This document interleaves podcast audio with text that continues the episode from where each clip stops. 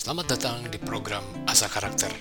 Dalam episode ini, saya akan membahas mengenai apakah yang menjadi tujuan utama kehidupan manusia. Apakah sekedar mendapatkan apa yang diinginkan, atau ada yang lebih dari itu? Dalam episode ini, ada kisah-kisah yang akan saya bagikan yang mungkin menginspirasi diri Anda. Jika Anda menikmati episode-episode dari Asah Karakter ini, silakan bagikan kepada orang lain dan berikanlah komentar Anda di Instagram at asakarakter. Komentar Anda mungkin akan menjadi berkat bagi orang lain yang perlu mendengarkan episode-episode dari Asa Karakter. Selamat mendengarkan. Apakah yang menjadi perhatian utama dari hidup manusia? Menurut William James, yang menjadi perhatian utama manusia dalam hidupnya adalah kebahagiaan. Menurut James dalam tulisannya di The Varieties of Religious Experience, manusia sangat memikirkan mengenai bagaimana memiliki dan memelihara kebahagiaan. Ia juga menegaskan bahwa motivasi utama manusia adalah untuk mendapatkan kebahagiaan di dalam hidup. Saya berpikir, tidak ada orang yang menginginkan menjadi sengsara dalam hidupnya. Semua orang pasti ingin mengalami kebahagiaan dalam hidup. Masalahnya adalah, apakah arti kebahagiaan itu? Kebahagiaan bisa dipahami dalam banyak sekali pengertian, seperti terpenuhinya tujuan atau kebutuhan dari diri seseorang, punya pengalaman-pengalaman menyenangkan dalam hidup, terhindarnya diri seseorang dari pikiran-pikiran yang tidak menyenangkan, kondisi hidup yang melampaui kondisi atau standar yang ada, serta memiliki ciri kepribadian yang berhubungan dengan emosi yang positif. Jadi, dapat dikatakan bahwa menjadi bahagia merupakan sebuah kondisi, pengalaman, dan karakteristik individu yang positif yang dialami dan dimiliki oleh seseorang di dalam hidupnya. Dengan pengertian kebahagiaan tersebut, setiap orang mestinya punya kemungkinan untuk menjadi bahagia di dalam hidup. Pertanyaan yang muncul adalah, apakah cukup bagi seseorang untuk punya kondisi, pengalaman, dan karakteristik diri yang positif yang membuatnya menjadi bahagia? Apakah Menjadi bahagia merupakan tujuan akhir dari kehidupan manusia. Dengan kata lain, jika seseorang sudah mencapainya, maka ia tidak membutuhkan apa-apa lagi dalam hidupnya. Benarkah demikian? Untuk lebih memahami mengenai hal tersebut, mari kita perhatikan sebuah contoh dari kisah kehidupan Herdi. Herdi bukan nama sebenarnya, adalah seseorang yang telah memiliki hal-hal yang orang-orang cari pada umumnya, seperti karir, kenyamanan finansial, dan nama baik di dalam komunitas. Sebagai seorang laki-laki dewasa, Herdi sudah mencapai karir yang mungkin lebih baik dari orang-orang lain. Dia beberapa kali dipromosikan lebih cepat, bahkan lebih tinggi dari rekan-rekan sejawatnya. Herdi memiliki kecukupan finansial dan memiliki rumah yang besar. Memiliki lebih dari satu mobil, bisa liburan ke mana saja, dan bisa makan di restoran setiap saat. Herdi juga punya nama baik di lingkungan, seperti menjadi ketua kelompok di lingkungan gereja, menjadi pemimpin di lingkungan tempat tinggal, yakni dengan menjadi ketua RT atau rukun tetangga. Sampai di sini, kita mungkin bisa dengan mudah mengatakan bahwa Herdi telah memiliki begitu banyak persyaratan untuk menjadi bahagia di dalam hidupnya. Tapi bagi Herdi, apa yang ia capai justru belumlah yang semestinya. Herdi melihat keseluruhan hidupnya terdiri dari tiga bagian yakni kehidupan yang diturunkan, kehidupan yang diinginkan, dan kehidupan yang semestinya. Kehidupan yang diturunkan bagi Herdi adalah waktu di mana dirinya menyadari bahwa ia adalah apa yang ia dapatkan yang diturunkan dari orang tua dan keluarga intinya. Sementara kehidupan yang diinginkan adalah waktu di mana ia berusaha mengambil nilai-nilai dari lingkungan yang paling mempengaruhi dirinya. Dan kehidupan yang semestinya bagi Herdi adalah waktu pencarian nilai yang terbaik bagi hidup. Dengan kata lain, Herdi merasa bahwa apa yang ia capai belum mencapai apa yang seharusnya. Ia ingin memiliki kehidupan di mana ia mampu mengatakan bahwa aku adalah apa yang aku temukan bagi diriku sendiri. Herdi melihat banyak orang yang berhenti pada kehidupan diinginkan mereka. Mereka merasa senang berada di sana. Mereka merasa tinggal dalam hidup seperti demikian adalah hidup yang sepatutnya dijalani. Namun, Herdi telah sampai pada suatu titik kehidupan di mana ia mampu menyimpulkan bahwa kehidupan seperti itu tidaklah benar-benar memuaskan. Penilaian Hedi tersebut bahwa kehidupan yang sekedar memiliki kondisi dan pengalaman yang bahagia dalam hidup tidaklah memuaskan, ia dasari berdasarkan pemahamannya mengenai hubungan dirinya dengan Tuhan. Herdi punya pemahaman diri bahwa hidupnya berada di bawah pimpinan Tuhan.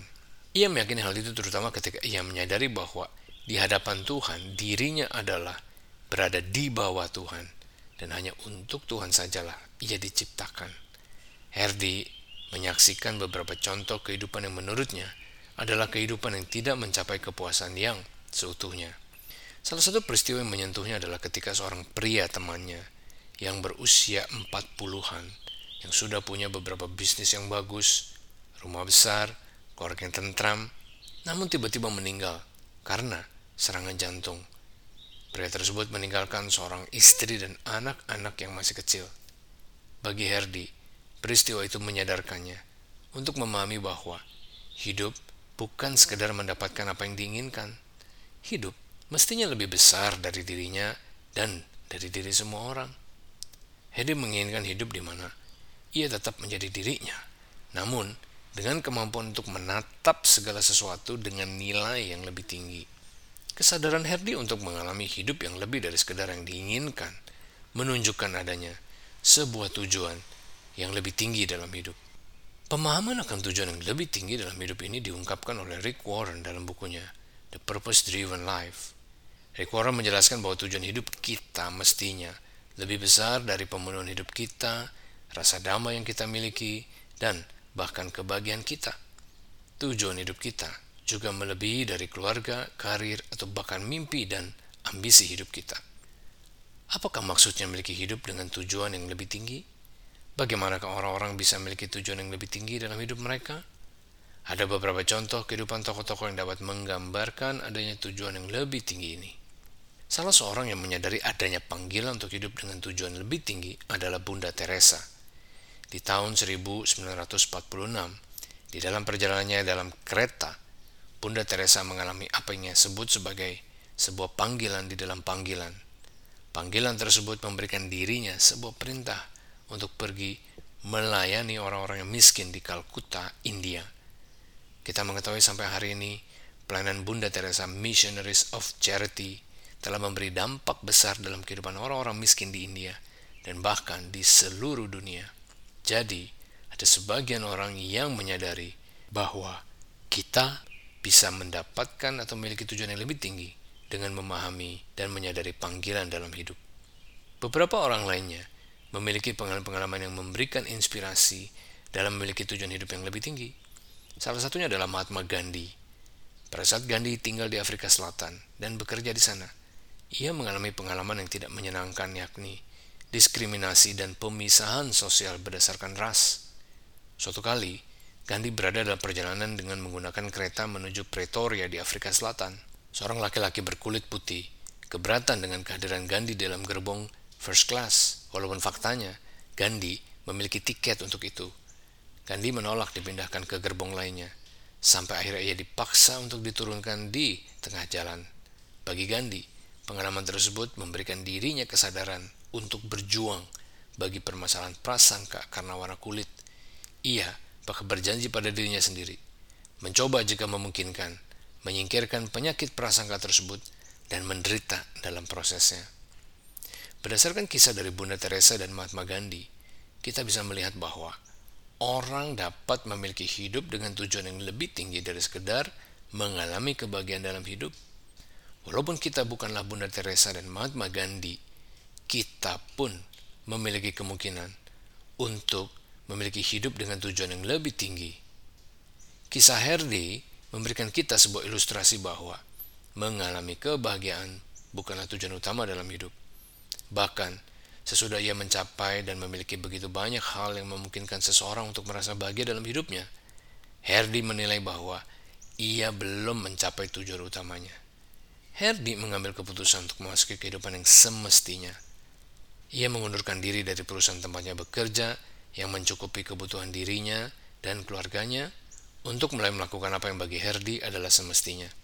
Bagi Herdi, kehidupan yang lebih bernilai adalah ketika ia bukan sekedar memiliki pekerjaan yang baik, namun memiliki nilai yang lebih tinggi dalam pekerjaannya, yakni memberi kontribusi langsung dan bisa berdampak bagi masyarakat luas dalam jangka panjang.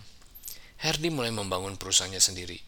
Ia mengambil langkah terencana dan terukur, seperti menjual rumah dan menyewa rumah baru yang lebih kecil, menyewa kantor, membangun perusahaan startup berbasis teknologi informasi bersama dengan beberapa rekannya, serta mencari investor untuk mendanai usaha barunya tersebut.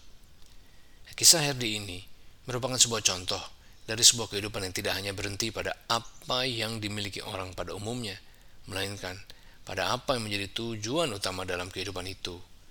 Herdi tahu bahwa kehidupan tersebut bukanlah kehidupan yang mulus, bukanlah kehidupan yang mudah, melainkan kehidupan yang sulit dan terjal. Kisah Herdi tidak dimaksudkan untuk mewakili semua kisah, namun memberikan kita sebuah contoh bahwa ada orang yang memikirkan dan menjalani kehidupan dengan tujuan yang lebih tinggi. Setiap orang mungkin memiliki tujuan yang beragam dalam memikirkan tujuan yang lebih tinggi.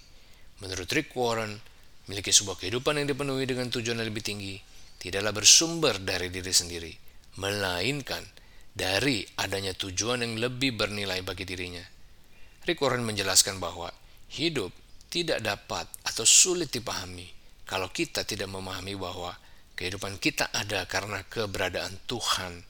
Dengan kata lain, untuk dapat mencapai tujuan utama kita dalam hidup kita, kita harus memulainya bukan dengan diri kita sendiri, melainkan dengan memahami bahwa Tuhan adalah pencipta kita. Tuhan merupakan titik awal sekaligus sumber dari kehidupan kita. Rick Warren mengusulkan untuk kita memiliki apa yang disebut sebagai pengilhaman, yakni menemukan tujuan hidup kita dengan bertanya kepada Tuhan. Ia menekankan penting buat kita untuk menemukan apa yang Tuhan inginkan buat hidup kita melalui firman-Nya. Jadi, untuk menemukan tujuan hidup Anda, mulailah dari Tuhan. Mulailah dengan bertanya kepada Tuhan, apakah tujuan hidupku?